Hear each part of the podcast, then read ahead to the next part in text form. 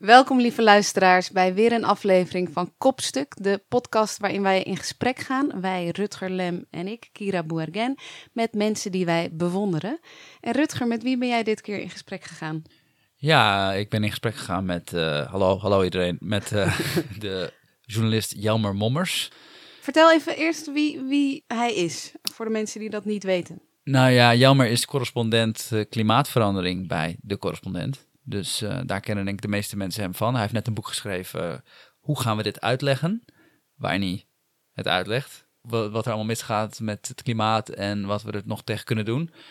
En daarin is hij ook heel erg optimistisch. En dat, uh, dat typeert hem eigenlijk een beetje. Hij is, zoals de hele correspondent misschien wel, zoals iedereen daarvan, heel ja, positief realistisch. Dus zowel een beetje doemdenkerig als uh, blij over de oplossingen die er nog mogelijk zijn. Ik hoorde jou in het gesprek heel erg op zoek gaan naar wie Jelmer precies was. Mm -hmm. En Jelmer die, die neigde snel naar te hebben over zijn vak. Vond jij het lastig om iemand te interviewen wiens vak niet gaat over zijn eigen leven? Ja, het was eigenlijk een beetje een clash van stijlen. En dat is ook wel heel grappig. Want ik ben natuurlijk altijd meteen heel persoonlijk in mijn werk en in gesprekken en alles. En uh, ik vergeet dan inderdaad dat sommige mensen dat helemaal niet uh, zijn. Maar het is dus wel zo dat hij in zijn werk eigenlijk persoonlijk is. Dus zoals ik letterlijk over mijn persoonlijk leven schrijf, vindt hij persoonlijke urgentie in onderwerpen als klimaatverandering. En verontwaardiging zit heel hoog bij hem als het daarover gaat. En dan merk je dus echt van, oh ja, maar nu komt hij naar boven. Ja, ja, ja, zeker. En, en heb je iets geleerd, iets nieuws van hem in dit gesprek? Iets nieuws geleerd? Ja, nou ja, onder andere dus over dit meta-ding van dat het niet per se persoonlijk hoeft te zijn, letterlijk persoonlijk, privé persoonlijk, om het over persoonlijke urgentie te laten gaan. En hij weet natuurlijk ontzettend veel over dat onderwerp, dus daarin heb ik ook wel andere inzichten gekregen. En ik kon heel veel dingen die ik zelf al een tijdje afvroeg hierover bij hem peilen. En dat was eigenlijk heel fijn, want ik maak me natuurlijk ontzettend zorgen over klimaatverandering en ja, hij kon daarin gewoon net een nuance aanbrengen of net even een ander perspectief geven. Dat had ik echt even nodig. Lijkt me eigenlijk best wel troostend. Ja, nee, dat is het ook. Uh, het is een uh, deprimerend onderwerp, maar Jelmer geeft je altijd wel een nieuwe energie. En dat is met zijn boek zo, maar ook zeker in dit gesprek. En voor mij was het gewoon heel belangrijk dat ik in deze podcast eindelijk een keer over klimaatverandering ging hebben. Want ik vind dat als je een podium hebt, of je nou schrijft of weet ik veel, met de buren praat. Het is gewoon tegenwoordig je verantwoordelijkheid om het hierover te hebben. Want het wordt op zoveel manieren al verzwegen. En ja, als je dan dus twaalf interviews maakt en het woord klimaatverandering valt niet één keer. Het, heeft nu wel, het is nu al heel vaak gevallen in deze intro, maar... wat, klimaatverandering? Klimaatverandering, dat woord. Uh, dat wat echt aan de hand is. Nu? Ja, precies. nou ja, dus dat... dat ja, veel mensen vinden het gewoon een ongezellig onderwerp. Ik heb wel eens in de familie-appgroep iets gepost van uh, nieuwsberichten over dat uh, de voedselvoorraad uh, echt gaat slinken in 2040 en dat soort berichten. En dat mijn vader zei, nee, doe nu even niet. en weet je wel, zo van, ik heb het al, ik heb, ik, ik heb er nou al genoeg over gehoord de laatste dagen. En dat, dat is ook een beetje het gevoel wat ik ook soms heb, zo van, oh, ik, ik kan het even niet aan, ik wil het, ik wil het weer achter me laten. Ja. Maar juist dan moeten we het er weer over hebben. En, ja, dat ben ik met je eens. Ik, ik, en dat vond ik ook heel erg leuk om te horen binnen jullie gesprek. Om, om hem echt te horen vertellen over hoe die nou precies te werk gaat. En ook zijn visie op waar we mee bezig zijn of waar we staan ja, als ook, mensheid. Ook binnen onze, onze generatie. Want wij zijn natuurlijk super ongefocust. Dat is misschien wel een belangrijke oorzaak van waarom we niet... Wat zei je ook weer? oh, er vloog een vogel langs. Nee, maar de, uh, dat we niet echt ons lang met één ding bezighouden. En uh, ja, iets als klimaatverandering. De investeringen die we daarin moeten doen, die vereisen nou eenmaal een lange concentratie. En het protest dat we er tegen moeten voeren, vereist ook dat we er gepassioneerd over blijven. En dat is echt ja. iets heel moeilijks. Waar heeft hij jou het meeste mee verbaasd? Nou, dat hij zo boos is. Of boos kon worden. Hij kwam op mij over als een vrij nette jongen. Dat, dat is hij ook wel volgens mij. Maar hij kan echt enorm verontwaardigd worden als het over bepaalde onrechtvaardigheden gaat. En dat zit niet alleen in klimaatverandering, ook alles eromheen. Wat ik ook heel goed aan hem vind, is dat hij dat onderwerp ook breder trekt naar allerlei soorten onrechtvaardigheid. Hij heeft ook wel eens een stuk geschreven op de correspondent over dat onderwerpen waar we ons nu veel mee bezighouden, zoals uh, genderongelijkheid of racisme, dat klimaatverandering daar ook heel erg over gaat. Want uiteindelijk hebben mensen eh, die minder bedeeld zijn er het meeste last van. En uh, gaan straks de witte rijke elites zich lekker terugtrekken op Nieuw-Zeeland. Dus ja, dat vind ik heel tof dat die gewoon ja, echt als een soort superheld opkomt voor degene die de minst harde stem hebben. En Rutger, moeten we nog iets weten van tevoren? Um, ja, eh, een belangrijke disclaimer is dat het gesprek plaatsvond in de zomer. Dus dat is al een tijdje geleden. Het was vlak na die hittegolven en de Amazone oh stond op dat moment in brand. En uh, nou ja, Jelmers boek ligt nog steeds in de winkel. Misschien moet ik dat ook zeggen. Mag ik dat zeggen? Tuurlijk. Ja, tuurlijk. Koop het.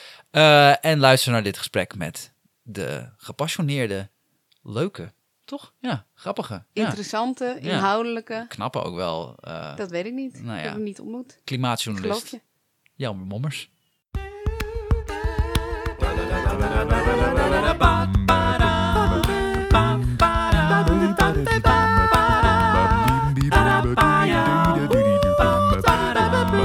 Kopstuk, kopstuk, kopstuk. Met Rutger Lem. Ik zat te denken voordat je zou komen van... Uh, normaal begin je altijd een beetje met wat small talk. Hmm. En ik heb hier in de buurt ook al gemerkt dat als je met mensen praat... dat ze inderdaad altijd over het weer toch beginnen. Het cliché-onderwerp waar mensen dan meteen over hebben als ze elkaar niet zo goed kennen en, en, en niet weten waar ze het over moeten hebben. Maar dat is eigenlijk bij ons dan meteen een niet zo onschuldig onderwerp meer. Nee, ja. klopt. Ik vind dat wel grappig. Denk je ook niet dat het, dat het deels de oorzaak is van waarom mensen het onderwerp zo lastig vinden? Dat... Ja, alle, heel veel dingen verliezen ineens een onschuld. Ja. Dat is het een beetje, ja. Dus je kan uh, door een plensbui fietsen is best leuk. Als je onderweg naar huis bent, maakt het niet zoveel uit. Maar als je het gevoel hebt dat die plensbui veel harder staat en dat het komt door ons, omdat er in korte tijd meer water uit de hemel valt, dat is gewoon een van de gevolgen van die opwarming, dan heeft het ineens een soort nare bijsmaak. Ja, dat herken ik wel. En uh, dat het afgelopen maand in Nederland 40 graden en meer werd, ja. ja. dat is echt volkomen bizar. Dat zagen ze ook echt niet aankomen. Ja, het gekke was het daar, mijn buren zeiden daar allemaal over van, van uh, als ik dan een beetje begon van ja, dit is, het is uh, golf en dit gaat vaker gebeuren, hmm. om een beetje dat onderwerp ook te openen, dan zeiden zij allemaal van ja, maar we zijn het ook niet gewend, hè? Ja, ja. Dus uh, mensen leggen meteen al de schuld ook weer bij zichzelf. Zo van, nou ja, we moeten gewoon beetje hier, ja, ja. ons aanpassen, zeg maar. Maar het is ook wel, je merkt dat mensen ook wel heel flexibel zijn. In ja. die zin van, het, het schijnt ook dat we binnen een paar jaar wennen aan extreem weer. Dus als het nu heel heet is, en, over, en dat blijft een tijdje zo, dan vinden we het over, en zeker de jongere generaties, die vinden dat gewoon normaal.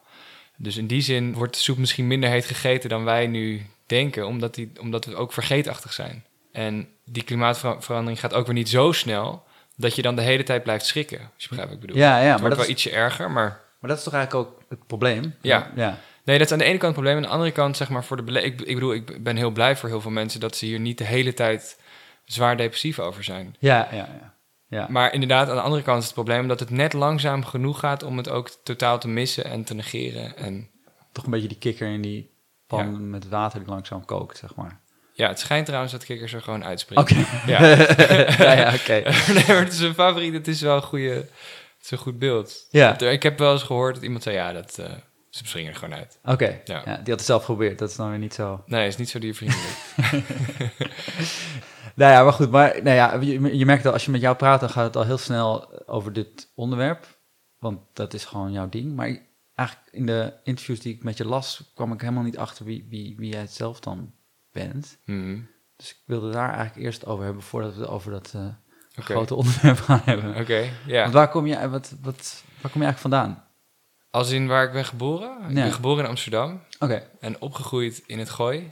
En uh, ben toen daar naar school geweest in Hilversum. En daarna gaan studeren in Groningen. Tussendoor ben ik een uh, tijdje in het buitenland geweest. In Perugia in Italië gewoond. En in Cambridge. Oké. En uh, toen gestudeerd in Groningen. Een studie gedaan omdat ik niet zo goed wist wat ik moest doen. Heb ik communicatie en informatiewetenschap gestudeerd. Ja. Wat ik echt niemand kan aanraden. Aan de andere kant was het wel waardoor ik een beetje naar de journalistiek rolde, want dat was een minor die je erbij kon doen. Dus dat werd ook wel weer geprikkeld om dat op te zoeken. En toen heb ik een masterjournalistiek gedaan in Groningen.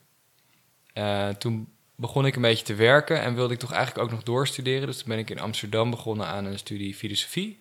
En toen op een gegeven moment werd die master, de tweede master, werd twee keer zo duur gemaakt. Ik weet Oh, niet of ja. je dat nog weet. Het Ja, was nieuw ja. beleid van als je al een master had, dan mocht je niet zomaar voor dezelfde kosten nog eentje doen. Dus toen was dat gewoon eigenlijk geen optie meer. En net toen kon ik een beetje bij de Groene Amsterdammer, waar ik stage had gelopen, eh, kon ik iemand vervangen die met zwangerschapsverlof ging. Ja. En daar ben ik toen ja, een beetje gaan werken. Toen eerst op de webredactie. En later eh, ben ik onderzoeksjournalistieke projecten gaan doen daar. En daar zo langzaam gegroeid. En dit thema zat eigenlijk altijd al in mijn hoofd. Hoe, hoe meer vrijheid ik kreeg in het opzoeken van mijn eigen onderwerp, hoe meer ik naar dit, naar duurzaamheid en naar milieu, klimaat en zo toeneigde. Ja. Dus dit is een heel korte, maar dit is een heel professionele Ja, ja, ja, sfeer, ja. Hè, wat ik nu vertel. Ja, dit is Maar het bijna... is best moeilijk om, om, om een ander verhaal, ja. Ja, maar wat, wat want eh, eh, hoe was het om eh, op te groeien in het, eh, in het gooien? Wat deden je ouders bijvoorbeeld? Ehm, mijn vader werkte bij een bank. Oké, ja. En mijn moeder heeft heel veel dingen gedaan. Die heeft VO-les gegeven, conservatorium gedaan. Maar ook onderwijs heeft ze ingewerkt. En ja, heel veel verschillende dingen eigenlijk. En heb je broers of zussen? Ja, ik heb eh, één, eh, of ik heb drie zussen. Eén zus van, van, van dezelfde ouders. En ik heb twee halfzussen van een eerder huwelijk van mijn vader. Ah, oké. Ja, dus ik heb drie zussen. Ja, ja. Dus ik ben, eh, en ik ben de jongste. Had- Dat zegt misschien wel meer over mij dan al die dingen die ik net heb verteld. ja, Ja. ik denk dan meteen dat je daardoor een gevoelige jongen bent geworden. Of is dat... Ja, dat lijkt me wel. Ja. ja. Nou ja, ja, god. Er zijn wel meer gevoel, er zijn ook gevoelige jongens zonder zussen. En zo, maar ik denk wel, eh, ja. Maar wat is hun invloed dan voor jou? Nou ja, ik was, ik was gewoon een beetje die kleine jongen. Dus, en ik werd heel erg vertroeteld natuurlijk. Dus ik had heel veel moederlijke aandacht, meer dan van mijn moeder alleen. Ja, ik denk dat dat wel, wel een- ja, ik kan het niet zo heel makkelijk expliciet maken. Maar gewoon heel erg, heel erg verzorgd altijd. Is dat een Ja, heel, ja, ja en, en, en Hilversum is ook wel een eh, bosrijke omgeving, of niet? Ja, nou, ik woonde, we woonden dus in Bussum. Oh ja. En ik zat in Hilversum op school. En eh, dat betekent dus dat ik elke dag een half uur naar school fietste. Door inderdaad het bos, Ja. eigenlijk. Ja. over de hei een stuk. En ehm, ik, ik was, sprak laatst een vriend van me uit die tijd. Die had ik jaren niet gezien. En die zei ook van, ja, er was wel iets. Wij woonden wel echt in het groen. Dat was heel vanzelfsprekend. Maar het was niet alsof ik dan in mijn vrije tijd beestjes zat te tellen op de hei of zo. Ik was niet...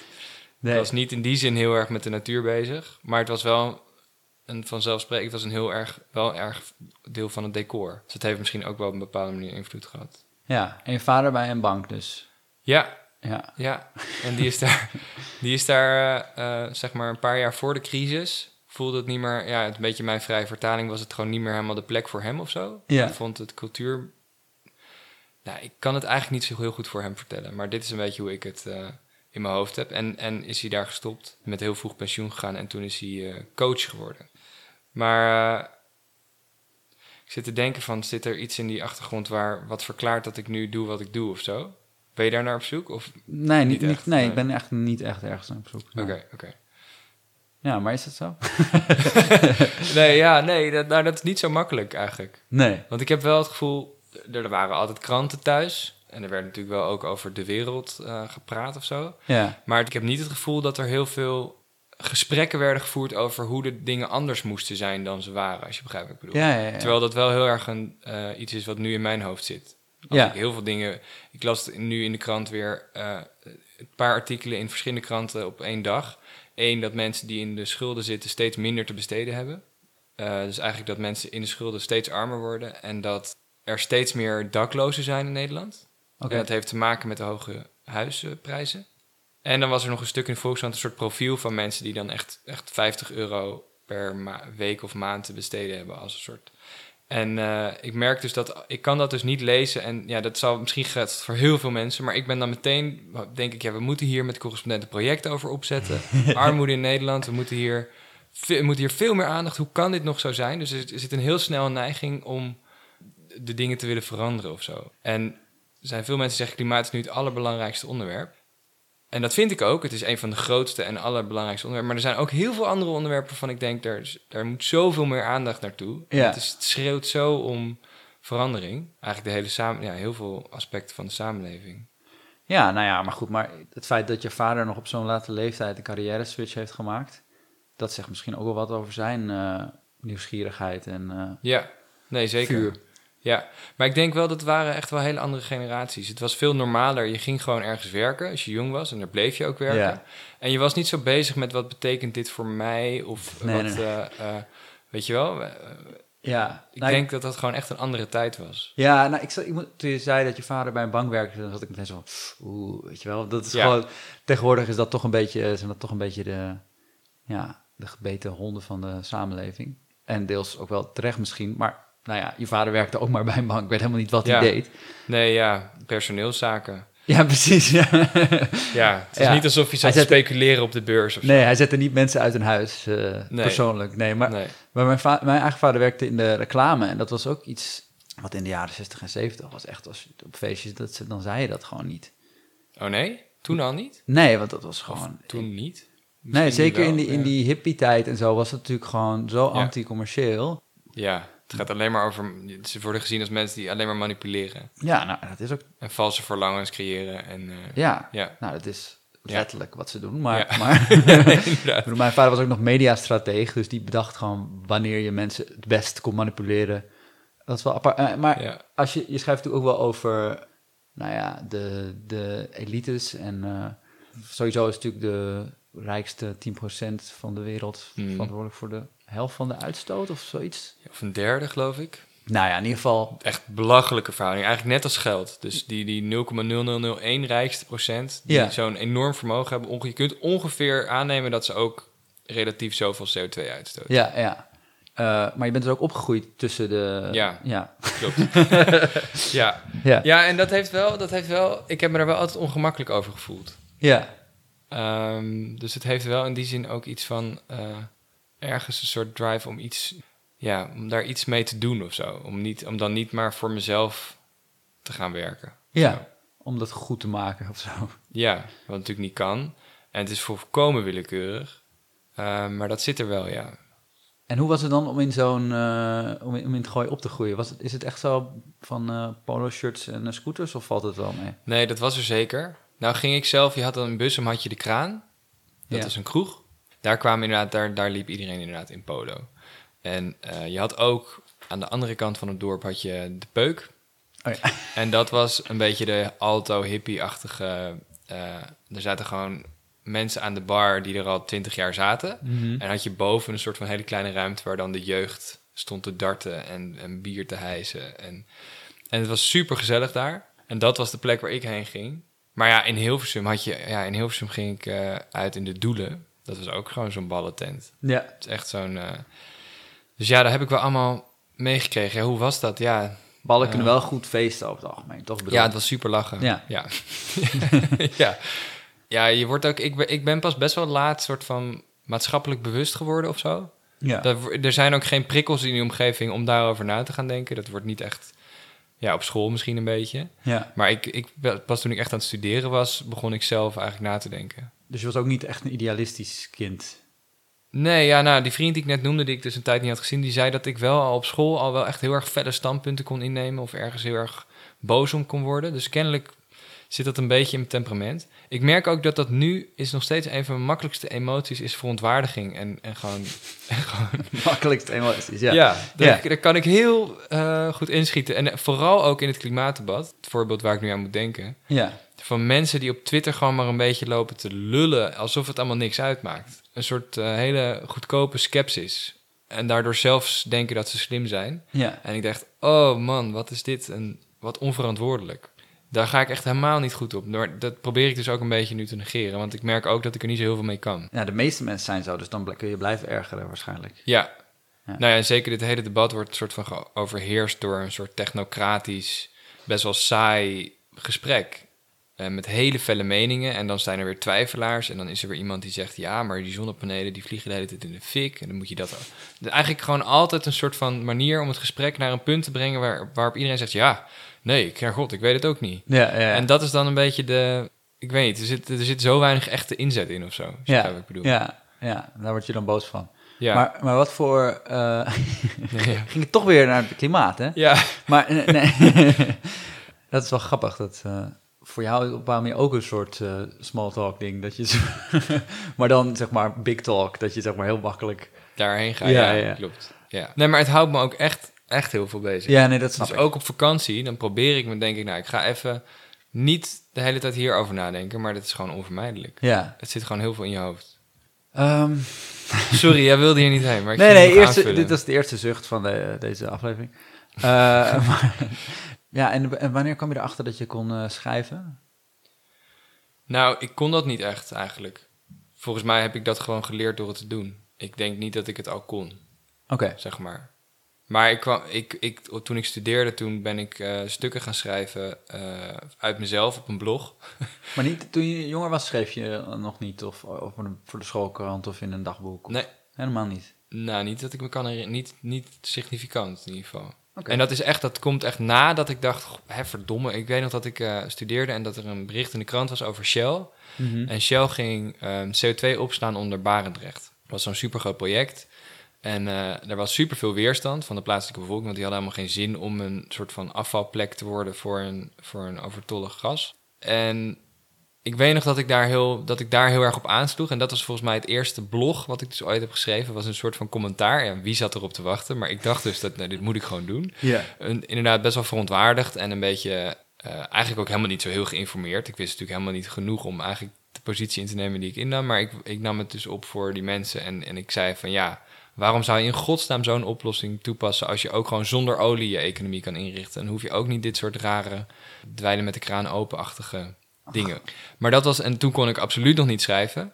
Nee. Dit is echt, ik, ik zou, dit staat ook geloof ik gelukkig niet meer online. Want dit is gewoon, dat was gewoon echt slecht. Mhm. Maar dat kwam dus omdat ik gewoon ergens boos over was of ergens iets van vond. En toen kwam daarna een soort, uit dat engagement kwam dan de behoefte om er iets over op te schrijven. Ja. En dat ging ik toen gewoon vaker doen. En toen ging ik, eh, ook bij mijn studie moest je soms essays maken. En daar stopte ik heel veel tijd en energie in. En zo, ja, zo werd het, eh, uiteindelijk is het gegroeid. Ah ja. Nee, Ja. ik moest dat echt leren. En ik kan nog steeds, vind ik, dat ik heel veel lelijke dingen maak. Ik wil dus eigenlijk nog veel beter worden erin.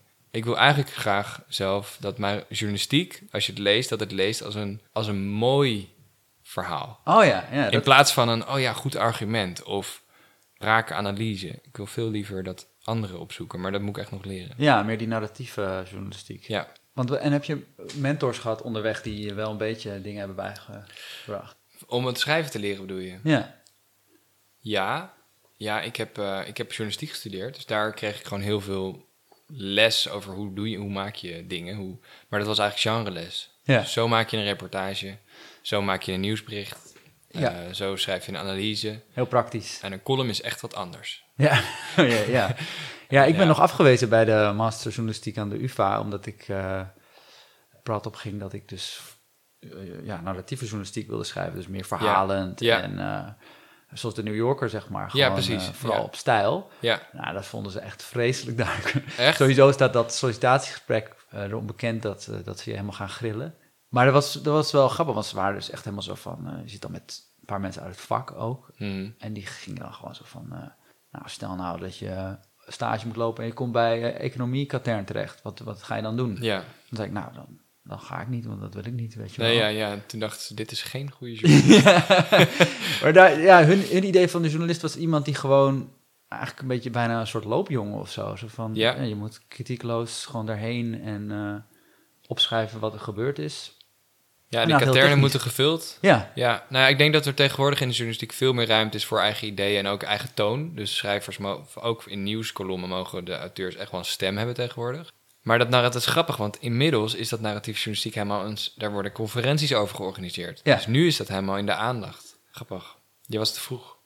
nou ja, het was toen wel ook aan het komen met NRC Next. En, eh, ja, en jij bent meer een soort van steeds overal een beetje ingerold. Of, Ja, het is achteraf, is het, kan ik er een logisch verhaal van maken. Van ja, en toen had ik dat inzicht, toen maakte ik die keuze. En toen is in het moment is het inderdaad meer een beetje, je botst een beetje tegen de wereld aan en gaat daardoor, maar je kan wel eh, ondertussen ook zelf bijsturen. Maar bijvoorbeeld een voorbeeld was dat ik afstudeerde bij journalistiek. En dat ik, eh daar moest je nog een stage doen. En mijn docenten vonden dat ik bij een krant moest proberen. ja. Maar ik wilde dus heel graag naar de Groene. Omdat ik grote verhalen wilde schrijven. Oh ja. Eh, waarin je heel veel verschillende blikken op een bepaald probleem de, de revue kon laten passeren en allerlei bronnen erbij kon halen en gewoon wat langer kon nadenken. En ik ben dus bijvoorbeeld tegen het advies van die van die docenten in daar gaan solliciteren. Dus Ja. ik had zelf ook wel echt wel ideeën uiteindelijk, gelukkig. dus dat een beetje... Nee, nee, maar Ja. ik bedoel niet per se dat je passief iemand bent. Maar, maar ik dacht vroeger altijd van, je moet heel erg dingen willen en je doelen hebben en zo. Maar soms is het ook gewoon zo dat je doelen jou vinden. Omdat je toch wel Hmm, door wie je bent een bepaalde kant op drijft. hmm, En ja, misschien was jij altijd wel deze kant op gegaan. zou kunnen. Ja, en ik ben me dus ook nu echt heel erg bewust van wat een voorrecht... Dat klinkt een beetje politiek correct. Je bent Daarom dankbaar. aarzel ik. Hè? Je bent Ik ben dankbaar. dankbaar, ja, precies. Krijg je dat. Ja. Maar ik zat erover na te denken, want toen ik bij de correspondent werkte eenmaal, toen we hadden een sprekersbureau. En dan kreeg je lezingen soms aangeboden, of er werd een organisatie benaderd jou en die zegt, ja, we lazen je stuk, wil je daar eens wat over komen vertellen? Ik kon dat helemaal niet. Maar bij de correspondent kreeg ik steeds de kans om dat wel te doen. En nu ben ik best wel rustig als ik een podium opga en, en durf ik te denken van, nou, ik ga gewoon dit verhaal vertellen. En het is prima dat ik ook lang aan het woord ben. Ja. En eh, nu kan ik er ook zin in hebben. Hoe oneerlijk eigenlijk. Dus dat de mensen die net niet, als je zeg maar niet de kansen krijgt om dingen te leren op een bepaalde plek. Want het stapelt zich op, hè. Die Ja. lezingen die kwamen bovenop dat ik dus bij de Groene al stuk had leren schrijven. En dat ik daar bij de correspondent verder in kwam. Ja. En dat kwam weer bovenop dat ik, weet ik veel, dat mijn ouders me genoeg steunden om te gaan studeren. Dat ik daar, dat dat ook makkelijk kon. Dat Ja, soort ja, dingen. Dus het is echt zo'n opstapeling van privileges. Ja. ja, en mazzel, want de correspondent werd ook maar opgericht op het moment dat je... Ja. Ah, grappig, want als ik nu naar de correspondent kijk en naar jouw stukken erop, dan denk ik echt van, je bent gewoon ervoor gemaakt. Je hoofd is ook perfect tekenbaar voor zo'n plaatje. maar ja. Ja, het is wel grappig, want ik heb dus wel tijdens mijn studietijd, toen ik journalistiek studeerde, toen had ik dus zelf het idee gehad dat ik themaweken moest gaan publiceren op mijn blog, nog steeds een blog. Maar dan had ik dus zelf, dan was er een eh, enorme ramp in Haiti, een eh, aardbeving. En dan weet ik nog dat ik dacht, ik moet hier nu gewoon een week lang over schrijven. En dan begin ik gewoon bij het begin van, wa- waar ligt Haiti, Eh, wat voor... En dat is eigenlijk dat idee van een leercurve, Ja. wat je nu op de correspondent ziet. Dus eigenlijk zat ik zelf al een beetje op dat spoor of zo, wat nu bij de correspondent ook, eh waar Rob echt een vorm van heeft gemaakt. En is hij echt een, eh, iemand van wie je veel geleerd hebt? Ja, zeker. Ja, zeker. Goed, hij is natuurlijk ook een tijd in Amerika geweest vorig jaar. Maar daarvoor en nu ook weer is hij iemand die gewoon op de redactie is. En het is een beetje management by walking around, heet dat geloof ik. Dus het is gewoon, Rob is niet iemand, je kan een afspraak met hem maken. Maar meestal is het gewoon omdat hij gewoon de hele dag met iedereen aan het praten is. Dat hij ideeën probeert te toetsen of eh, ja, vraagt van wat ben je aan het doen. En kan je dat dan niet zo aanpakken. Dus dat is wel heel aanwezig. Maar er zijn natuurlijk ook heel veel goede collega's. Met wie, eh, dus dat is ook gewoon heel fijn dat je een eh, idee kan hebben. En dat je gewoon denkt van nou, ik ga even met Johannes zitten of even met Jesse over hebben. Of misschien moet Rutger dit nog even lezen. En dus we helpen elkaar heel erg. Dat is natuurlijk ook wel heel fijn. Nou, maar ik las wel, eh, want je, je hebt veel bewondering voor Nina Polak, je collega. Mhm, Zeker. Maar dat is echt iemand die mooi Ja, eh, precies. Ja. essayistisch journalistiek kan bedrijven. Dus daar kijk je dan wel tegen op. ja, zeker. Ja, ik vind heel veel collega's heel goed. Maar kijk, Nina kan dus inderdaad heel mooi schrijven. Ja, Terwijl, maar aan de andere kant, wat ik nu, waar ik nu een beetje over aan het nadenken ben voor mezelf voor de komende tijd, zijn, is meer het soort van verslag geven, dus meer reportageachtig en mensen profileren. En dat is dan weer iets wat Nina op dit moment niet zo heel erg veel doet. Heel veel stukken op de correspondent zijn denkstukken of bijna essays. Ja. En ik zit nu een beetje te onderzoeken van kan ik op een nieuwe manier verslag geven, een beetje narratieve journalistiek, om dit, he- om dit thema waar ik nog steeds super in geïnteresseerd ben op een andere manier te vatten. En eh, dat, eh, ja, dat is nog een, een zoektocht. ja. Ja. En want hoe, hoe pak je dan zoiets aan als je zoiets wil leren? Want ja, je, hebt, je hebt natuurlijk een leercurve letterlijk in je stukken, maar je bent ook wel iemand die dus graag eh tienen haalt. Dus eh, heb je dan, Ja. hoe, hoe eh, heb je dan echt voor jezelf een soort plan? ja, ik ben dus, ja, een collega zei, ik ben dus nu gewoon met een soort verkenning bezig. En een collega zei, dit is peak Jelmer, als in, ik maak dan dus een document waarin ik een soort van die ideeënontwikkeling die ik nu aan het doormaken gewoon bijhoud. Omdat Oh ja. ik anders niet kan denken. Ja, Dus ik moet het vastleggen en ik een soort van de uitgangspunten van wat is eigenlijk ook weer het doel van wat ik. En dan probeer ik steeds mensen op te zoeken om en die laat ik dit dan lezen en dan kom je steeds iets verder. maar is het inhoudelijk of gewoon hoe je technisch je wil ontwikkelen? Allebei. Dus ja. wat is nu nodig in het debat? Waar hebben lezers behoefte aan? Hoe kan ik samenwerken met lezers op een interessante manier? Hoe kan ik het verhaal op een andere manier vertellen? Dus het is eigenlijk heel veelzijdig. Ja, Bijna onmogelijk. Dus het gaat ook niet. Je kan het ook niet helemaal uitdenken, maar het is wel goed om er echt even aandacht aan te besteden, denk Ja. ik. Ja. maar je bent wel iemand die dan een plannetje, echt een letterlijke plannetje maakt. Ja, heel gestructureerd. En dat is dus uh, heel nerdy. Heel nerdy. Dat is een soort behoefte om er grip op te houden. Want je kan, je kan ook gewoon met mensen heel veel gaan praten. Ja. En op een gegeven moment heb je een idee, maar dan op de een of andere manier vind ik het ook belangrijk om terug te kunnen. Snap je wat ik bedoel? En dat werkt gewoon beter als je het vastlegt. Nou ja, dat wilde ik ook nog vragen, want je schrijft super helder. Dat is denk ik wel echt je grote kracht. Ik heb sowieso heel erg genoten van je boek, dus dat wilde ik uh, sowieso al zeggen. Dank je. Mede door die, door die helderheid. En, en hoe heb je dat dan ontwikkeld? Ja, ik heb gewoon best wel een afkeer van het moeilijker maken dan nodig. En ik wil heel graag dat mensen dit probleem begrijpen. En ook een grote groep mensen. Dus dan moet ik het niet ingewikkelder maken dan het is. Dan moet ik niet beginnen met dat ik een roman van Annie Proulx las. En dat ik dan daarin heel erg herken die soort van fossiele mentaliteit. En dat dan de houthakkers in dat verhaal, dat die alles personifiëren van ons fossiele systeem. Ja. En dat is waar we het vandaag over gaan hebben, beste mensen. Zijn, zijn jullie er nog? En dan ben je, de hel, je bent echt heel veel mensen ook kwijt. Ja. Zeg maar, in mijn eerste versie van dit boek had dat soort passages. En op een gegeven moment realiseerde ik me van... ja, ik moet het gewoon zelf gaan vertellen. Ik moet niet altijd veel voorbeelden van anderen... of woorden van anderen in die tekst krijgen. Ik moet het gewoon zelf vertellen. Er zitten wel extreem veel voetnoten bij... voor al die bronnen die mij dan gevoed hebben. Ja. Maar gewoon de wens om het echt toegankelijk te maken voor een grote groep. En een soort van adagium wat ik had was... ik doe alles maar één keer. Dus ik ga maar één keer beginnen over... dat CO2 goed is voor planten. Begrijp ik bedoel? Dus Ja. Alles wat je aanraakt... Dat is geweest. Dat ja. is geweest en dan hoef je er ook niet meer, dan hoef je daarna niet nog een keer uit te leggen. Oh ja. En daardoor, het schijnt ook dat, je, dat mensen het boek in een avond kunnen lezen. En dan is dat natuurlijk heel prettig. Ja, om jezelf te beperken heb je dat. Ja. Ja, en om het gewoon te, ja, toegankelijk te houden. En ja. Maar en weet je dan nog welk, eh, het moment dat je een stuk schreef waar je echt trots op was, wat voor het eerst dan echt iets geslaagd was? Ehm, ik weet nog een van de stukken waarom, waarom ik nu ook weer naar de narratieve journalistiek neig. Is met een van de stukken die ik het allertofste vond, is een profiel wat ik ooit heb gemaakt van Marjan Minnesma. Oké. Zij is van Urgenda, zo'n actieorganisatie voor duurzaamheid. Zij is daar de directeur. En een enorm felle, hele eh, energieke strijder voor een groen Nederland. Ja. En, en heel inspirerend. Maar de vorm waarin, we, eh, waarin ik dat stuk schreef, dat was een heel nummer van de Groene. Dat stond vol met profielen. En die waren allemaal geschreven in de stijl van George Packer van de New Yorker. Oh ja, ja. En Packer die heeft een boek geschreven, The Unwinding, over Amerika. Waarin hij, ik geloof, tien personages of zo gedurende twintig jaar lang volgt. Dus hij begint ergens volgens mij in de jaren tachtig.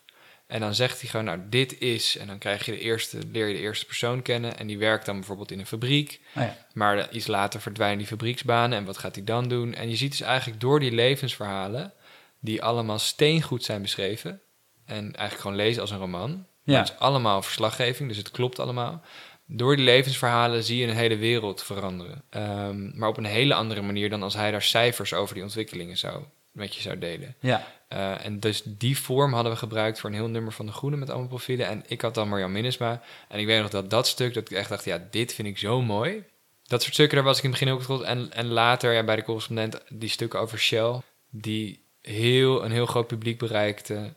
Echt een scoop, zeg maar. Ja, die, ja. en ik had een reconstructie geschreven van, eh, ik weet niet meer, 8000 woorden of zo, over hoe Ja. Shell wel wist van het klimaat, maar er niet echt iets aan deed.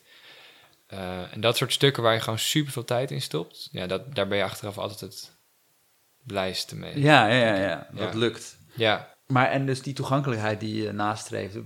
Ik vind het wel grappig, want je, je vindt het lastig om over je persoonlijke ja. leven te praten. Tenminste, nou ja, en, maar, dat heb je dus ook wel een beetje moeten leren. Want je zei dat je je eigen verhaal, dat je het vanuit jezelf moest gaan schrijven, dat je dat wel erin moest verwerken. ja, ik denk wel dat ik bij de correspondent heb geleerd, omdat daar eh, de beat, of hoe noem je het, het onderwerp en de persoon zijn heel erg aan elkaar verbonden. Dus het is niet, de correspondent gaat onderzoek doen naar het klimaat. Het is Jomer gaat de komende maanden jou op de hoogte houden van zijn zoektocht naar... Dus er zit heel erg een relatie al in. En ja, ik, ik ben daar ook niet zo... eh, ik aarzel daar ook geloof ik niet zo heel erg over. Over dat ik een ik ben. Het past ook heel erg bij de subjectieve vorm van journalistiek die we hebben. Dat we gewoon zeggen, ja, je kan wel doen alsof je een afstandelijke toeschouwer bent... die gewoon de werkelijkheid beschrijft, maar dat, dat bestaat niet. Ja, Dus dan kun je maar beter gewoon zeggen, nou, ik kwam dit artikel tegen en ik vind er dit van. En nu ga ik deze vraag onderzoeken en eh, eh, ik hou je op de hoogte. Ja, dat vind ik ook echt veel beter passen bij deze tijd. Dat je gewoon weet van, er zit daar een schrijver en ik eh, ben het misschien niet altijd met hem eens. Maar ik, ik ben in ieder geval blij dat hij consequent nieuwsgierig is naar een bepaald onderwerp. Of Ja. dat ik hem kan vertrouwen dat hij er eerlijk over is. En, nou, en over die interactie met de lezers, hè, want dat is echt iets heel erg van de correspondent. Dat je Mhm. mensen kunnen eronder reageren, ze kunnen ook tips geven. Eigenlijk schrijf je het bijna samen met de lezers, toch? Nou, nee, dat is, dat is misschien te groot, ja. te veel eer. Ja. Maar ik voel me sowieso af van of dat niet soms eh, irritant is. Ja, zeker. Kijk, het idee van die bijdragesectie is, hij is heel erg gericht op het uitwisselen van expertise en kennis. Ehm, dus je hoopt, zeg maar, dat als ik een stuk over zonnepanelen schrijf, dat er dan een zonnepanelenontwikkelaar reageert met, nou, bedankt voor het verhaal of zo, maar eh, mijn ervaring is toch anders. Ja, Ik merk in mijn sector, ik werk in eh, Achterhoek en hier zie je. En dan gewoon dat je echt een rijker beeld krijgt. Maar het gebeurt natuurlijk ook heel vaak dat mensen gewoon zeggen... Er zijn mensen die onder elk stuk reageren. Nou, daar is niet voor bedoeld. nee. We gaan het ook niet modereren. Je kan ook niet zeggen, nou, doe maar niet. Maar het is, niet, het is geen eh koffie theekransje. En dat wordt het soms wel. En ja, ik heb daar... Daar besteed ik niet te veel tijd aan. Ik volg Gerrit Diemstra op Twitter. En Ja. eh, die gaat er echt voor, zullen we maar zeggen. En dat, is ook, dat valt ook eh, zeker te prijzen. Maar de reacties die hij krijgt zijn echt ongelooflijk. Ik vind het... eh, Ja, is verschrikkelijk. Echt niet normaal. Daar, daarom eh, probeer ik Twitter... Eigenlijk is Twitter nu gewoon... Ik wil er ook gewoon eigenlijk niet meer heen. nee. nee, ik heb heb het- dat ja. jij het een beetje ingehouden doet. Ja, ik vind, nee, maar het is ook namelijk voor eeuwig. Hè? Dus je kan wel, ik kan wel een beetje ruzie gaan zitten maken met de een of ander. Maar het is ook een beetje, ja, wat, wat bereik je er in vredesnaam mee? Ik, ik weet niet, ik, ik zie gewoon het nut er niet zo van. Ook uit zelfbescherming, omdat die verontwaardiging bij jou zo... Ja, dan zit je, want voordat je het weet zit je in een soort gesprek wat maar doorgaat en maar doorgaat. En, en dan moet je daar de hele tijd naar kijken en dan fiets je naar huis en dan zit je eraan te denken en dan pak je je telefoon weer en dan word je gewoon doodongelukkig van. ja. Dan schiet je echt geen fuck mee op. Dus je kan het volgens mij beter laten en gewoon je eigen agenda kiezen. En, ehm en daarachter gaan staan. En als mensen daar kritiek op hebben, ben ik wel aanspreekbaar. Dan reageer ik wel. Maar ik ga niet, ik ga niet over dingen die me irriteren twitteren. Nee. maar. En er valt genoeg je, je te ergeren binnen dit eh, Ja, debat. er was een tijdje geleden, was er in de Volkskrant de wetenschapsredacteur eh, Maarten Keulemans. En in Elsevier Simon Roosendaal, die jarenlang klimaatverandering totaal heeft gebagatelliseerd en betwijfeld. En nu op het punt is dat hij zegt, dit gebeurt. En zij zeiden allebei dat de sceptici nu hun agenda zouden moeten verleggen... niet naar bestaat dit probleem, maar naar zijn de oplossingen die worden voorgesteld wel goed. Dus eigenlijk ze- zeiden ze sceptici eh, aller, eh, aller landen... richt je vanaf nu op de mensen die denken dat ze de oplossing weten. Ja. En ik denk echt, wat is dit nou? Daar kan ik dus bijvoorbeeld heel boos van worden. Oh ja, ja. Alsof, een soort van, alsof er een vaste hoeveelheid sceptisch is... die sowieso moet worden toegepast en het liefst in die hoek. En om die mensen die proberen iets aan het milieu te doen te ergeren... dat dat een goede manier zou zijn om het debat... Ja, ik kan... Ja, ik vind het ook wel heel interessant, want de, de moderne mens die zeg maar inderdaad overal sceptisch over denkt te moeten zijn, dat is ook Ja. een beetje hoe, hoe, hoe, we opgevoed zijn vanuit bijna de verlichting al, zeg maar. Dat je Ja. gewoon alles moet betwijfelen wat je binnenkrijgt. En voor een deel is het ook niet onterecht, want heel veel informatie is tegenwoordig betwijfelbaar. Ja, zeker. Maar ik zag laatst een reactie op eh Hiemstra die volgens mij echt alles had. Want ik, ik weet ik, ik, ik, bleef er zo lang over nadenken. Want een tijdje geleden met die hittegolf, toen had eh Gert Hiemstra iets getwitterd van... Deze hitterecords zijn gevolg van de opwarming van de aarde. Die is veroorzaakt door u en ik. Voor 100% wie daar nog over twijfelt, die liegt of die zaait bewust verwarring. Zoiets Ja. had hij geschreven. Ja. Nou, daar werden mensen helemaal boos over. En ik denk vooral omdat hij letterlijk de term 100% gebruikte. Dat vinden mensen heel moeilijk. Ja, En toen had het laatst iemand naar hem gestuurd... Hey Gerrit, met een soort van een weerkaart voor de volgende week... waarbij het weer eh, in augustus redelijk tegenviel. Hmm. En zei hij, Gerrit, ik ga volgende week op vakantie... en ik moet verdomme de verwarming aandoen. Dat is zeker ook 100% mijn schuld. ja, jezus. Ja, En dacht ik, dit is zo typisch. Want mensen denken heel erg vanuit hun eigen ervaring... en ook wel bijna consumentenervaring. Zo van, Mhm. mijn vakantie en Mhm. wat betaal ik. En tegelijkertijd willen ze alle persoonlijke verantwoordelijkheid van zich afschuiven, zeg maar. Ja, ja. Maar er is ook nog, er ook nog een stapje erger. Er zijn ook mensen die Gerrit Hiemstra lezen en die zeggen... Oh ja, is het zo? Nou, ik ga dan eh, ik ga volgende vakantie boeken wat verder, want ik vind het wel lekker warm zo. ja, ja. Dus is ook een soort van een soort recalcitrantie die zich dan uit van... eh, ik maak het dan wat erger, ja, ja, ja. expres. Ja, je had ook Wat iemand... echt iets was waar ik als puber grappen over maakte. Dat weet ik nog wel. Dat we zeiden van, eh, we moeten deze week nog even flink wat CO2 uitstoten. Kennelijk was het toen ook al een onderwerp waar je wel grappen over kon maken. Oh ja, En het is zo puberaal. Ja. Het is zo dom. ja. En dat je denkt, ja, waarom, ik vraag me echt af waar die groep mensen... die dus inderdaad elke keer op Gerrit Hiemstra springt... wat ze drijft om zo...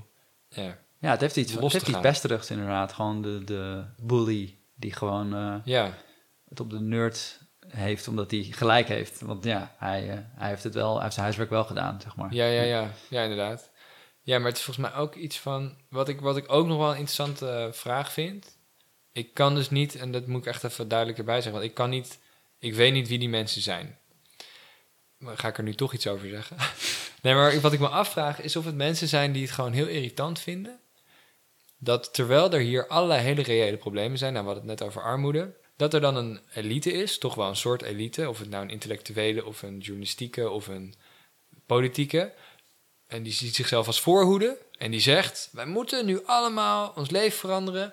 Want, nou ja, bewijs even plat gezegd: ijsberen en Alaska staat in brand. En het is heel kut als er geen, als, eh, als eh, de Antarctica of als eh, de Amazone in de fik staat. Want al die diersoorten en al die inheemse mensen die er wonen.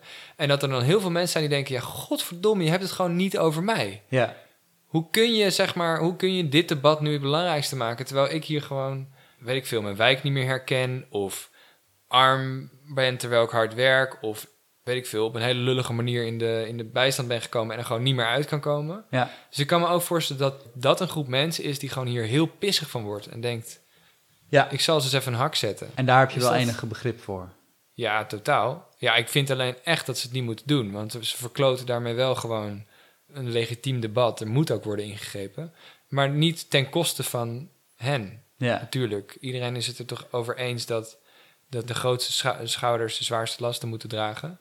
Ehm, maar ga niet met zand strooien omdat je gewoon gefrustreerd bent. Dat is echt onverdedigbaar. ja. ja. Maar goed, ik weet niet of dit klopt. Denk je dat het zou kunnen? Ja, nee, ik, heb, dat soort, ik, ik, ik lees graag dit soort reacties, omdat ik inderdaad ook van wil leren. En er wordt ook vaak gezegd van eh, niet investeren in eh, die vage duurzaamheid, maar in politie, in zorg. eh. Ja, precies. En ja, voor een deel is dat, is dat een beetje de tragiek van acht jaar VVD, zullen we maar zeggen. Dat die inderdaad een heel groot deel heeft uitgehold, waardoor mensen daar terecht boos over zijn. Maar Ja. ze richten zich wel op de verkeerde vijand vervolgens. Ja, Vind ik. Nou ja, kijk, dit, is, dit klinkt alweer heel paternalistisch, maar ja, ik denk dat dat wel een groot deel van het probleem is. En ook wel, ook wel hoe, hoe, hoe de publieke opinie op de een of andere manier gestuurd wordt. Nou ja, en, en, die, en de VVD heeft er heel erg aan meegedaan, CDA ook. Die hebben ook heel lang zelf gedaan alsof het klimaatbeleid vooral duur was en een soort hobby van links. En dan moest je toch, ja, en eh, mochten ballonnen, plastic ballonnen mogen ook al niet meer, weet je wel. Op een gegeven moment was het tijdens, tijdens een campagne, was dat een speerpunt in een soort lijstje van de VVD. Van nou, eh, bij ons eh, kun je ballonnen nog gewoon oplaten. Dat je echt dacht, jezus, wat flauw. Dus Ja. zij hebben het ook heel erg zelf te kakken gezet. En dat er dan nu weerstand is als zij wel duurzaamheidsbeleid willen voeren. Ja, dat is ook dat is een beetje hun eigen erfenis. Ja. Maar ben je ook wel zelf agressief benaderd? Of valt het wel mee? Eh, het valt wel mee, maar wel eens. Ja, ik heb eentje, kan ik me herinneren. Dat vond ik wel echt een hele kutte ervaring. Ook al was het gewoon echt puur trollen. Zeg maar, maar er was iemand, ik had getwitterd over de luchtvaart. En dat alle argumenten van de minister om Schiphol uit te breiden echt nergens op sloegen. En toen zei iemand, nou, ze zouden jou gewoon op zo'n vlucht moeten zetten. Een enkele vlucht en dan boven de oceaan eruit. Hm. En dan dacht ik, dacht, oh, dat is nog niet eerder gebeurd dat iemand gewoon letterlijk zegt dat, dat de wereld beter zou zijn als ik in de, in de plomp zou worden gegooid. En dat vond ik wel. Ik weet, het was gewoon een. Ik heb op die man zijn foto geklikt. Het was echt. Ja, ik weet niet. Ik dacht, Jezus, zit jij me dit te vertellen, man? En hier word ik nog door geraakt ook. Maar dat is gewoon. Ja, het is gewoon echt trollengedrag. Andere mensen het leven zuur maken. Maar aan, het is niet gemeend, denk ik. Soms bestaan ze niet eens. Die mensen niet, nee. nee klopt. Dus als er heel veel Trump en uitroeptekens bij staan, denk ik wel, volgens mij is dit een bot. Dat gebeurt ook, ja. Ja. Maar het is wel heftig, toch? Om zoiets te lezen. Ja. dat Ja. ja. Ja, en ik heb ook wel, en er zijn ook wel gewoon. Maar het is eigenlijk allemaal wel heel erg in de categorie heel flauw. Heel flauw. Ja. Dus dan kan je het ook weer van je afzetten. Omdat je denkt, ja, Jezus, als ik deze persoon op straat zou tegenkomen, dan zou je dit echt niet doen. En, en als hij het wel zou doen, dan zou ik hem zo kunnen aankijken dat hij zelf ook wel weet dat het onzin is. Of zo. Ja. Toch? Ik, ja, ik weet niet. De doodsbedreiging is vaak dan ook één op één. Heel erg een soort van met het bericht wat je stuurt. Dus als je iets schrijft over dat er, eh, dat er minder plastic zakjes op straat moeten liggen, dan, ja, dan tuurlijk. Dan gaan ze zeggen dat er een plastic zakje over je hoofd getrokken moet Oh worden. zo, ja, precies. Ja, Ja, ja. ja. Dus heel creatief is het vaak ook niet. Nee. nee, precies. En het is dus ook niet echt een doodsbedreiging. Nee, nee, nee. Dat is het, zo heb ik het ook echt niet geïnterpreteerd. meer beeldspraak. gewoon- ja, het is heel, heel creatief eigenlijk. Ja. Nou, en, maar en sowieso, want eh, je schrijft dat je wel eens dagen hebt dat je down bent over al het eh, nieuws over de klimaatcrisis. Maar heb je ook wel eens langere periodes gehad, zeker in het begin, dat je hiermee worstelde? Of ben je er nu al zo lang mee bezig dat je het gewoon ook in een groter perspectief kan plaatsen? Nee, nou dat probeer ik dus heel erg. Maar ik doe dat, moet ik soms bewust doen. Maar je noemde eerder in het gesprek al even van, nou de Amazone staat nu in de fik. En dat is natuurlijk een beetje gek, want dat gebeurt ieder jaar. Zijn er daar branden in de zomer. Maar nu schijnt het er veel meer te zijn. Dat was ook zo'n rare ervaring. Ik liep over de redactie en er lag een Economist ergens op tafel. En er stond op de voorpagina dat het grootste artikel zou gaan over de Amazone. En toen dacht ik, nou, dit is mijn werk. Dit moet ik lezen. En dat vond ik eigenlijk al heel raar, want ik werd daar dus extreem depressief van. Omdat het zo'n heel cool stuk was. Zo gewoon alleen maar cijfers. En alleen maar van, nou, wetenschappers zien dit gebeuren en zien dit gebeuren en dit gebeuren. En het gaat helemaal mis. Ik, kan dus, ik werd daar dus echt extreem depressief van. Ja, bijvoorbeeld van zo'n stuk. Dat Ja. ik dan dacht... En dat ik het dan als mijn professionele taak zie om dit te lezen. En je kan er eigenlijk alleen maar wanhopig van worden. Dus ik ben er niet overheen of zo, over de wanhoop. Die Nee. is absoluut niet. Die ligt, dat ligt gewoon de hele tijd op de loer. En heeft steeds ook een andere bron. Dus het kan dit zijn, maar het kan ook... Het kan iets anders zijn dat je leest of gewoon een ervaring in het dagelijks leven. Dat je denkt, jezus, het Ja. gaat echt niet goed. En hoe ga je daar dan mee om? Heb je manieren om eh, je hoofd leeg te maken? Je hebt natuurlijk het optimisme wat je hebt, maar daar gaan we het zo nog over hebben. Maar... Ja, nee, ik heb, ik heb eh, nou niet betere manieren dan de meeste mensen, denk ik, als je je kut voelt. Ja, het is gewoon kut. En dan een tijdje later dan, eh, ja, je kan gaan sporten of je gaat iets doen met je vrienden of met je vriendin of weet ik veel. Ja, je, you get by, weet je. Het is niet, en het is natuurlijk gewoon een luxe probleem. Ja. Zo zie ik het ook wel. Want het is ook een beetje gek om in een ervaring te gaan zitten die heel erg afwijkt van het dagelijks leven. Dus zo heel erg daarin blijven hangen met jezelf heeft ook iets dat je denkt, nee, wacht even. Er zitten gewoon mensen die daar in het park zijn aan het lachen. Dus je moet ook wel goed blijven kijken naar wat er in de echte wereld nu ook te zien is. En wat er mooi aan is en wat er grappig aan is. Ja, dat, dat moet je dan ook gewoon blijven doen. Ik denk ook eh, wel echt dat we nog niet weten hoe het afloopt. Ja, Dit verhaal waar we met z'n allen in zitten. Dus het is ook een beetje vroeg om al helemaal bij de pakken neer te gaan zitten. ja, Want da- ja, wat ik zeg, we, we zijn er nog niet. De- ja, ja, ja. En we hebben nog alle kansen. Ja, ik, ik heb ook het idee dat, dat dat ook een beetje typisch is voor, voor ons, zal ik dan toch maar zeggen. Om ook wel een beetje eh, aangetrokken te worden tot eh, melodrama en Mhm. überhaupt drama. Als je het over de Amazone en als het dan past in een verhaal met zo'n evil man als Bolsonaro, wat ook een evil man is, dan vinden we dat heel fijn. Dat is een, dat is een heel Ja. goede ding om tegen te strijden. ja, Maar ja, überhaupt mensen die denk ik gewoon gevoelig zijn en eh, geïnteresseerd zijn in verhalen en kunst en weet ik veel, die, die, die zien al snel een soort dramatisch verhaal. En daar ben je ook een beetje aan verslaafd op een bepaalde manier. Ik heb bijvoorbeeld al, Ja. als ik mijn zoon bij de opvang kom ophalen en er gebeurt iets met een kindje en een leidster, dan versta ik haar woorden bijna verkeerd, waardoor ze iets, waardoor ik denk dat ze iets, ook nog iets onaardigs tegen dat kindje zegt. Zo van, ben je nou weer bezig, eh, Nelson? ja. Eh, en dan loop ik weg en zeg ik tegen mijn vriend van... Jezus, het gaat echt niet goed daar. En dan zegt ze van, waar heb je het over? Ze zijn gewoon... Ja, eh, pak je pet op tijd. ja, weet ik wel, iets Ja. anders. Ja. Dus mijn hoofd maakt dingen al zeg maar, vaak dramatischer dan ze zijn. Dus ja, misschien is dat ook wel ik, een, een ik, ding. ik hoor je, ja. Ik denk, ja, ik denk dat we daar, dat is wel echt iets om voor te waken. En aan de andere kant, wat ik de keerzijde ervan, is dat dit hele verhaal over wat er dan met het klimaat is, en, en het is ook nog lang niet dramatisch genoeg. In ieder geval in onze beleving. Het voelt, het debat erover is heel technocratisch en het is fucking saai. Maar er is geen goede Netflix-serie hierover. Ja. Alleen maar over het einde van de wereld gaan die. Of, Ja. eh, of over hele andere dingen. Maar niet, er is er geen waarbij je het gevoel krijgt van... wow, we zijn gewoon één gemeenschap met z'n allen op aarde. En we zijn met één probleem geconfronteerd... waar we allemaal last van krijgen en waar we allemaal aan bijdragen. En wow, weet je, het vraagt gewoon echt om een soort van een, een enorme uitbarsting van creativiteit. En die is er gewoon niet. Ja, ja, ja. ja. Of nauwelijks. ja. Dat vind ik wonderlijk. ja. Dus het, aan de ene kant moeten we het niet te dramatisch maken. Aan de andere kant is het niet dramatisch genoeg. Nee, en precies. hoe, hoe verbind je dat aan je eigen leven? En het is dus ja, ook die transitie, wat ook alweer een kutwoord is, Mhm. dat dat het woord is, weet je wel. Maar overschakeling naar duurzaamheid, of hoe we het ook noemen, ja. is ook, die gaat ook net te langzaam om er een soort swingend gevoel bij te krijgen van ja, we zijn, eh, we zijn aan het veranderen. Deze generatie is een verschil aan het maken. ja. Ik denk wel dat dat gaande is, maar het is net te onzichtbaar en te diffuus en te traag om er echt grip op te krijgen. Ja, het zit te veel in kleine, misschien ook wel pretentieuze details. was gisteren een ijsje halen met mijn zoon bij uh, IJskoud, de beste, de beste ijszaak van Amsterdam-Noord. uh, hopelijk gaan ze me nu sponsoren. Maar, maar en toen was er een, zo'n typisch gezin met twee kinderen, waarbij de vrouw dan vroeg van, zo'n super drukke ijszaak, want het was een warme mm. dag van hebben jullie ook havermelk? Ja, ja, ja. en ja, ik weet niet, daar waren ze dan een beetje zo van, oh ja, dat hebben we eigenlijk toevallig wel. We hebben sojamelk, is dat ook goed en zo. En dan gingen ze dan een cappuccino met sojamelk voor de maken. Ja. Volgens mij vroeg die jongen die het eerst uh, het verzoek kreeg, die vroeg van, hebben we haver met soja of zo? we snapten dat ook helemaal niet.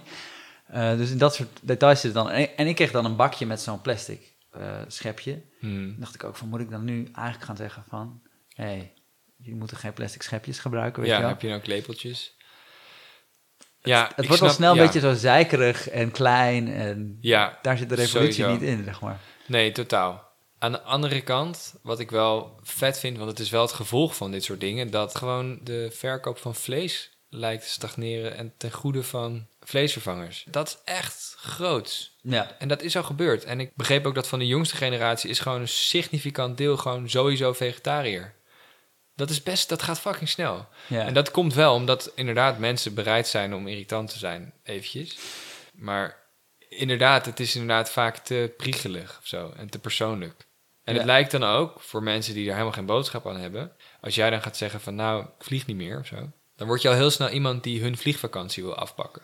Dat is zeg maar de eerste reactie van oh, kennelijk ben jij erop uit om andere mensen hun genoegens... Uh, terwijl dat natuurlijk precies niet het punt is. Daar gaat het natuurlijk niet om. Maar het is, op dat niveau is het heel makkelijk om onbegrip en ruzie en uh, gedoe te krijgen. Ja, dan gaan ze weer op hypocrisie wijzen en dan gaat het daarover. Ja, precies.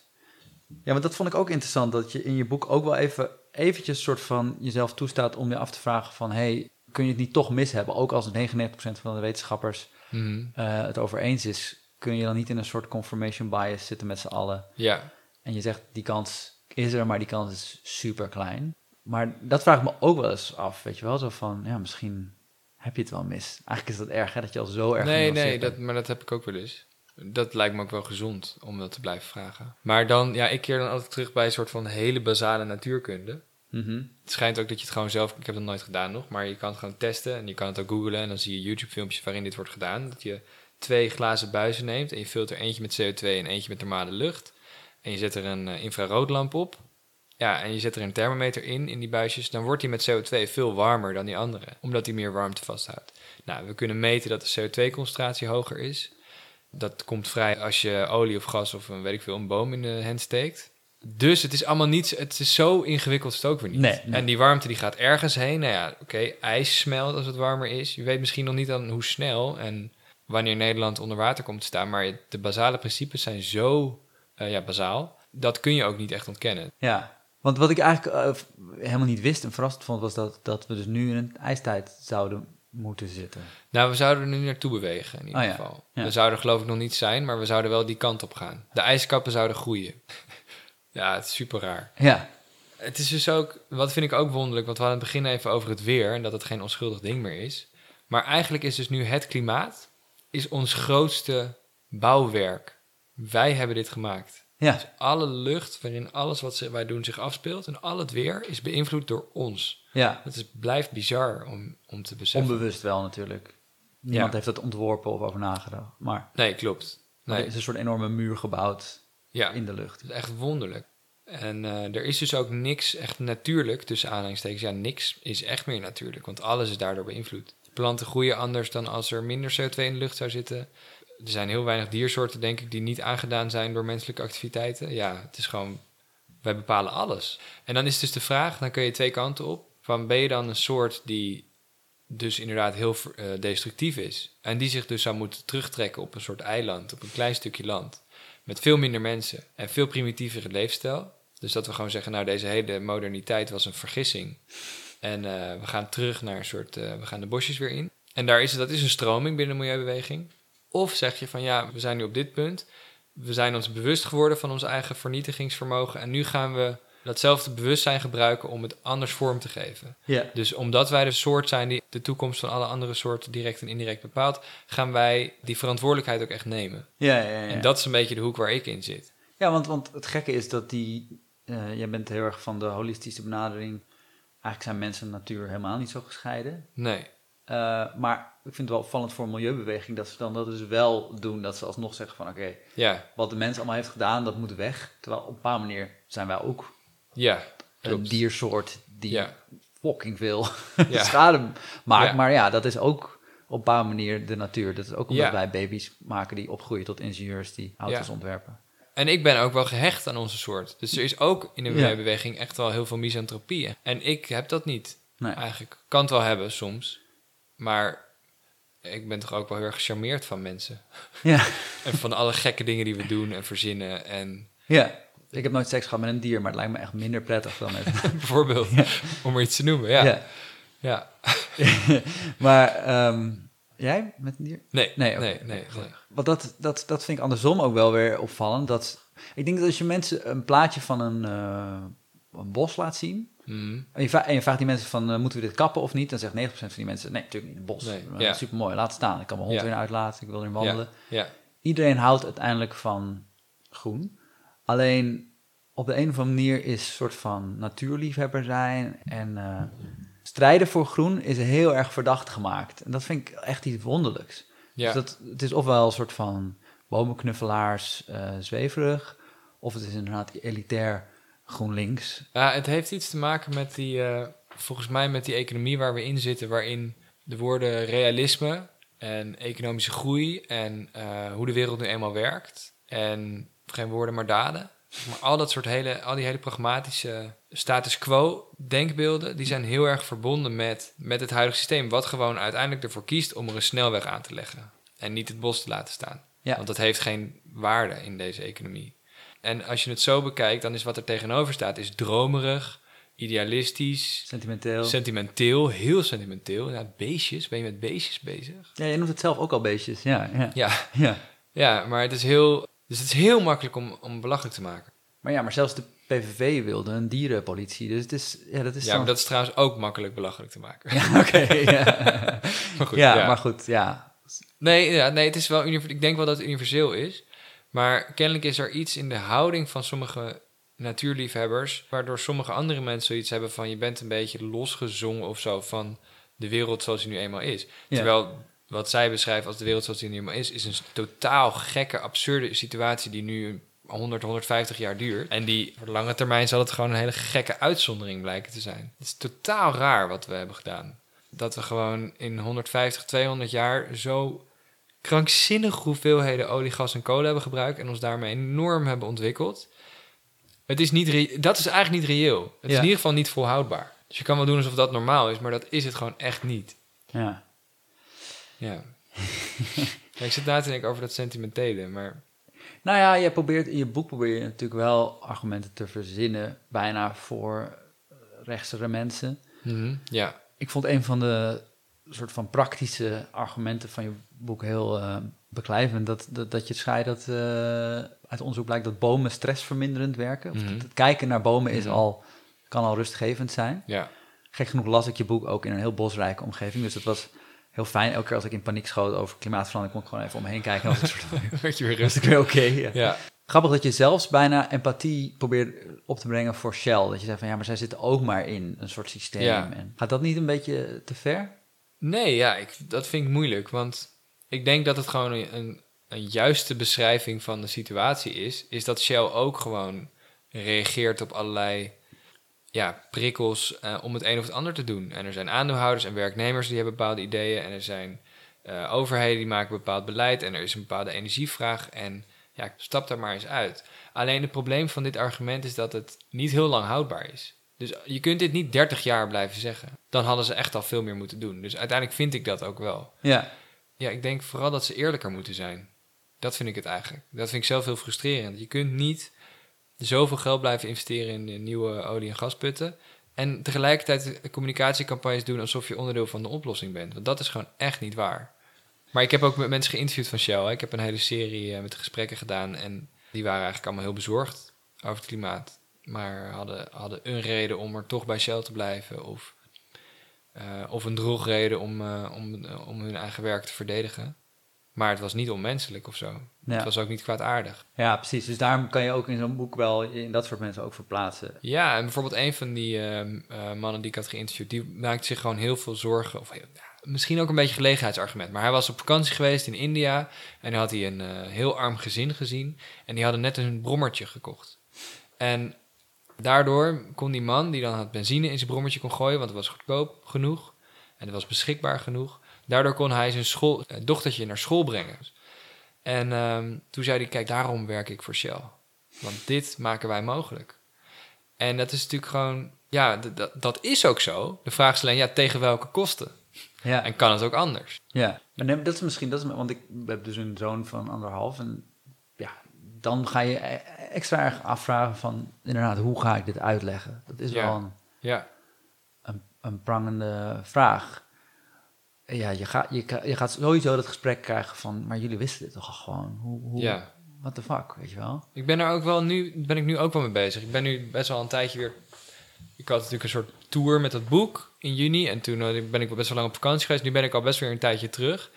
En nu denk ik ook wel van ja, maar ik moet wel weer aan de slag, man. Kom op, wat ga ik nu. Welke grote slag ga ik nu slaan? Want ik denk ook wel een beetje vanuit de ogen van de toekomstige generaties. Die terug zullen niet zo. Het is ook een beetje ijdel om te denken dat ze dan aan jou gaan vragen. Ja. Maar ik denk wel echt dat het belangrijk is dat de mensen die zich hiervan bewust zijn, dat die wel echt zoeken naar manieren om er ook echt iets mee te doen. Ja. Ja, Ja, ik was ook, maar ik was door je boek, werd ik, het, want het is ook bedoeld als een eh, oproep tot actie, zou ik maar zeggen. En ik was op het laatst, toen ik het uit had, ook echt, eh, zeg maar, fired up en eh, ready to go. Maar het gekke meer. is dat dat ook weer, ja, ik was op vakantie, ik had ook de Ja. tijd om dat, om dat te denken. En eh, nu ben ik een week terug en dan, ja, dan, dan komen de soort van dagelijks probleempjes weer je leven binnen. En dan denk ik Ja. toch wel sneller van, ah, maar ik ben, ook, ik ben echt te druk om Ja. iets te doen. Ik, ja, ik heb wel geld hier en daar overgemaakt, maar dat is het. En dat is, ook, dat is zo stom, weet je wel. Dat, dat is ook die urgentie waar we het eerder over hadden. Jouw boek kan de urgentie inbrengen, maar in het dagelijkse leven is die urgentie er eigenlijk niet. Nee. Dus dan valt het toch weer weg. ja, dat is super moeilijk. Dat blijft een enorme uitdaging. Want eh, we hebben eigenlijk ook rituelen nodig of, of eh, ontmoetingen. Daarom zijn die marsen en zo ook wel interessant. Nou zou ik heel graag willen zeggen dat de laatste keer dat ik aan zo'n klimaatmars meedeed, dat dat super inspirerend was en dat ik heel veel nieuwe mensen heb ontmoet. Maar het was gewoon super koud. Het Ja. regende keihard. Ja, En ik vond het niet zo leuk. Dus het is ook geen panacee of zo. Maar ik denk wel dat, daar, dat het daar zit. In elkaar ontmoeten en op openbare plekken met elkaar in gesprek gaan. En fysiek en niet alleen maar online. Want ja, anders dan valt het inderdaad de hele tijd weer weg. Dus je moet eigenlijk dat gesprek organiseren. Het is gewoon, blijft ook gewoon heel raar hoe disjunct het is. Zeg maar. die, die klimaatwerkelijkheid die is heel rigide eigenlijk. Nu zitten we op een gevaarlijk hoog CO2-percentage en het stijgt nog. En we weten dat dat rampzalig zal worden, of heel hoogstwaarschijnlijk, voor heel veel mensen.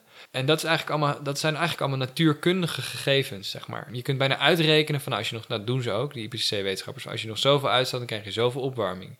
Maar dat verhoudt zich allemaal heel slecht tot onze wereld, waarin alles rommelig is, waarin mensen hele verschillende ideeën hebben, waarin de politiek per definitie traag is en compromissen sluit met de status quo, met de shells van deze wereld. Er is gewoon een enorme splitsing tussen die twee werelden. En het lukt ook niet, denk ik, om dat als individu helemaal vast te houden. ja, Je kunt niet de hele tijd in die klimaatwerkelijkheid blijven, want dan, dan raak je weer los van wat er allemaal om je heen gebeurt. ja, dat is interessant.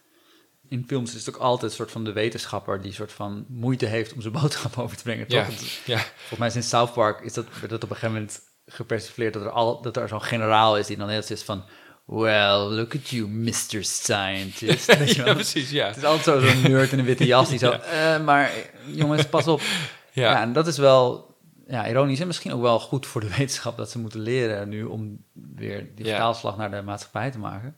ja, ik vind het nog steeds wonderlijk hoe weinig eh, wetenschappers zich uitspreken. Of misschien weten ze gewoon echt niet hoe. Maar als jij zeg maar de, de smeltende ijskap bestudeert, dan vind ik echt dat je een taak hebt om zo vaak mogelijk, als je de kans hebt om daar aan plein publiek te vertellen van nou, het gaat wel echt snel man. Ik vind het eigenlijk raar dat het zo stil is. Maar het is ook een beetje een moeilijke eis van, om, om te zeggen dat iedereen die zich hiermee bezighoudt een antwoord moet hebben. Het misschien ook gewoon dat we het erover hebben. Is ook al wel winst. En Ja. ik denk dat iedereen dan op een gegeven moment wel gaat nadenken van ja, wat doe ik dan? Zoveel vertrouwen heb ik ook wel in, mensen. ja, en als dan de mogelijkheden steeds makkelijker worden om iets te doen, Ja, precies. bijvoorbeeld om een elektrische auto te kopen. Ja. Ehm, ja, en hoe gaat het met je tijgerwormen? Vroeg ik me ook af. Nou, dit is gruwelijk, Rutger. Die zijn allemaal dood. Oh, echt waar? Ja. ja, want ik las, je, hebt de- je had een bak met eh, compost en tijgerwormen die... eh, In een balkonkast. Dat ging heel lang goed. ja. Toen werd het zo fucking heet. Dat balkon is op het zuiden. En wij dachten, het is in die kast en ze zit in een bak. En dat gaat wel. Maar ze zijn dus gewoon letterlijk... Het is echt heel sneu. Dus goed, ze zijn weinig sensitieve dieren, denk ik. Maar ze zijn allemaal doodgekookt. In Zo. hun eigen prut. Het was zo vies. Het was zo vies. Het is gewoon een bak. Het was dus... Compost stinkt dus niet. Zolang die beesten leven en ze verteren die dingen... dan ontstaan er ook geen... een beetje schimmel, maar niet veel. En dan wordt het eigenlijk gewoon een soort uberaarde. Dan wordt het een soort zwart goud. Hm. En als je dat aan planten geeft, dan gaan ze helemaal top. Maar als dus die diertjes zo gauw ze doodgaan... dan ligt er gewoon inderdaad oud eten in die bak. En dan begint het dus enorm. Dus het stonk heel erg. Het is echt heel vies. En best wel een soort morbide. Dat je gewoon zo'n bak met... waar eerst al die beestjes in krioelden. En dat ging helemaal niet meer. Dus nu staan die bakken waar we die wormen in hielden... die staan nu leeg uit staan schrobben. En die staan nu leeg in de balkonkast. Te wachten totdat we dat weer gaan doen. Het was wel echt heel leuk. Kan iedereen... eh, dit is echt een hele slechte promotie voor wormenhotels. Maar als je dus een plek hebt waar ze niet in de zon staan... is echt leuk om te doen. Want eigenlijk kan je daarna nooit meer terug... naar dat je gewoon bijvoorbeeld je koffiefilters... en je aardappelschillen en zo gewoon weggooit. Dat wordt daarna heel raar, omdat je denkt... Hè, maar als ik ze aan de wormen geef, dan maken ze er compost van. Het is gewoon grappig. Het is ook wel een leuk verjaarscadeau. Ja, Ja, een bakje wormen. ja, Ja, succes. ja. Nee, maar het is echt wel leuk om te hebben. Ja, Maar het is ook wel heel ironisch dat ze dan dood zijn gegaan door een hittegolf. Dus jouw soort van ja, duurzaam maatregeltje ja. is dan Het is echt enorm. ja. gesneuveld door klimaatverandering. ja, Ja. en dat is waarom we met z'n allen in actie moeten komen. Voor jouw tijgerwormen, ja. Ja. Oké, dankjewel, jammer. Graag gedaan. Dank. Deze aflevering van Kopstuk werd opgenomen, geëdit en gemixt door Rutger Lem. Met hulp van Maartje Smits en mijzelf, Kira Boergen. Onze openingstune is van Herman in een bakje geitenkwark. En ons logo is ontworpen door Esther Walter. Je kunt je natuurlijk ook, daar waar jij naar jouw podcast luistert, abonneren op Kopstuk. Of ons een rating geven in iTunes. Of een aflevering doorsturen naar al je vrienden en familie. Volg ons op social media, altijd het Kopstuk Podcast. Of stuur ouderwets een mailtje naar kopstukpodcast.gmail.com. Later! Kopstuk, kopstuk, kopstuk. Ja, ik, weet- ja, ja ik heb, ik, het is zo grappig. Niemand vraagt me dit ooit. Nee, nee. nee, nou, leuk toch? Ja.